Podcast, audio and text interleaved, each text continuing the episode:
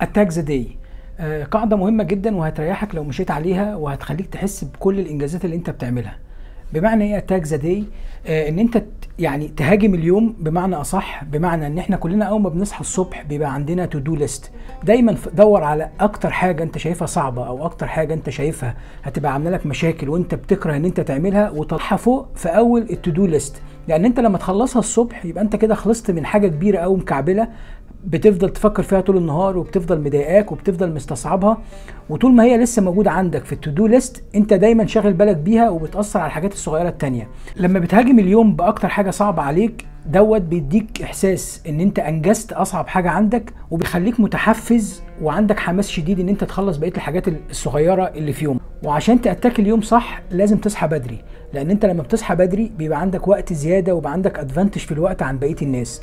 آه إحنا لما بنصحى الصبح كلنا بيبقى عندنا 24 ساعة في اليوم.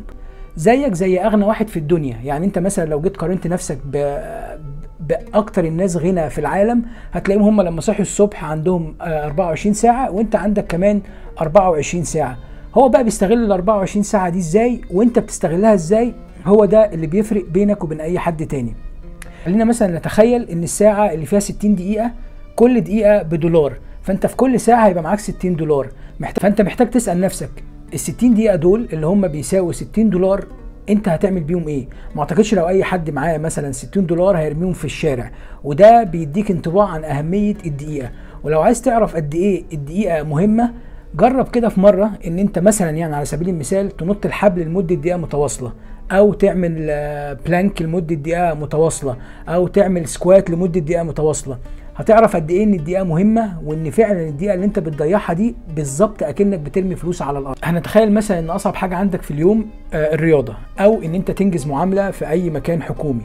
حاول تعمل الموضوع دوت أول حاجة في يومك عشان تبقى خلصت من أكبر مشكلة عندك. آه، أنا شخصيا كنت بواجه صعوبة جدا في موضوع الرياضة فبقيت أعملها أول حاجة الصبح. وبكده أكون خلصت من أكبر حاجة ممكن تكون هي عاملة لي هم وهتفضل شغلاني طول اليوم. فاعمل الحاجة الصعبة الأول الصبح بدري عشان تخلص منها عشان ترتاح بقية اليوم. تأجيلك للحاجة الصعبة ان أنت تقول هعملها في نص اليوم أو في آخر اليوم ده بنسبة كبيرة جدا أنت مش هتعملها وهتفضل دايما حاسس بالذنب. على سبيل المثال آه، لو انت مثلا عندك مثلا application بيحدد الخطوات بتاعتك وانت عامل target لنفسك ان انت تعمل 10000 خطوة. ما تستناش لحد آخر اليوم عشان تقفل ال 10 خطوات. لو عرفت تقفلهم الصبح بدري يبقى كلام عظيم وبقية اليوم عرفت تزود عليهم يبقى خير وبركة. مثلا بما إننا إحنا في رمضان لو انت مثلا تارجتك إن انت تقرأ جزء آه، في كل يوم ما تقولش أنا هخلص الجزء مثلا على مراحل في الظهر وفي العصر وفي المغرب. طبعا دي طريقة ممكن تساعد ناس بس في أحيان كتير بتبقى طريقة بتضيع عليك الورد بتاعك وغالبا ممكن ينتهي اليوم من غير ما تقرأ الجزء. فأنت لو قرأت الجزء في أول يومك الصبح بدري آه، ده هيبقى زي الفل وه- وهيشيل من عليك حمل إن أنت تضيع الورد بتاعك.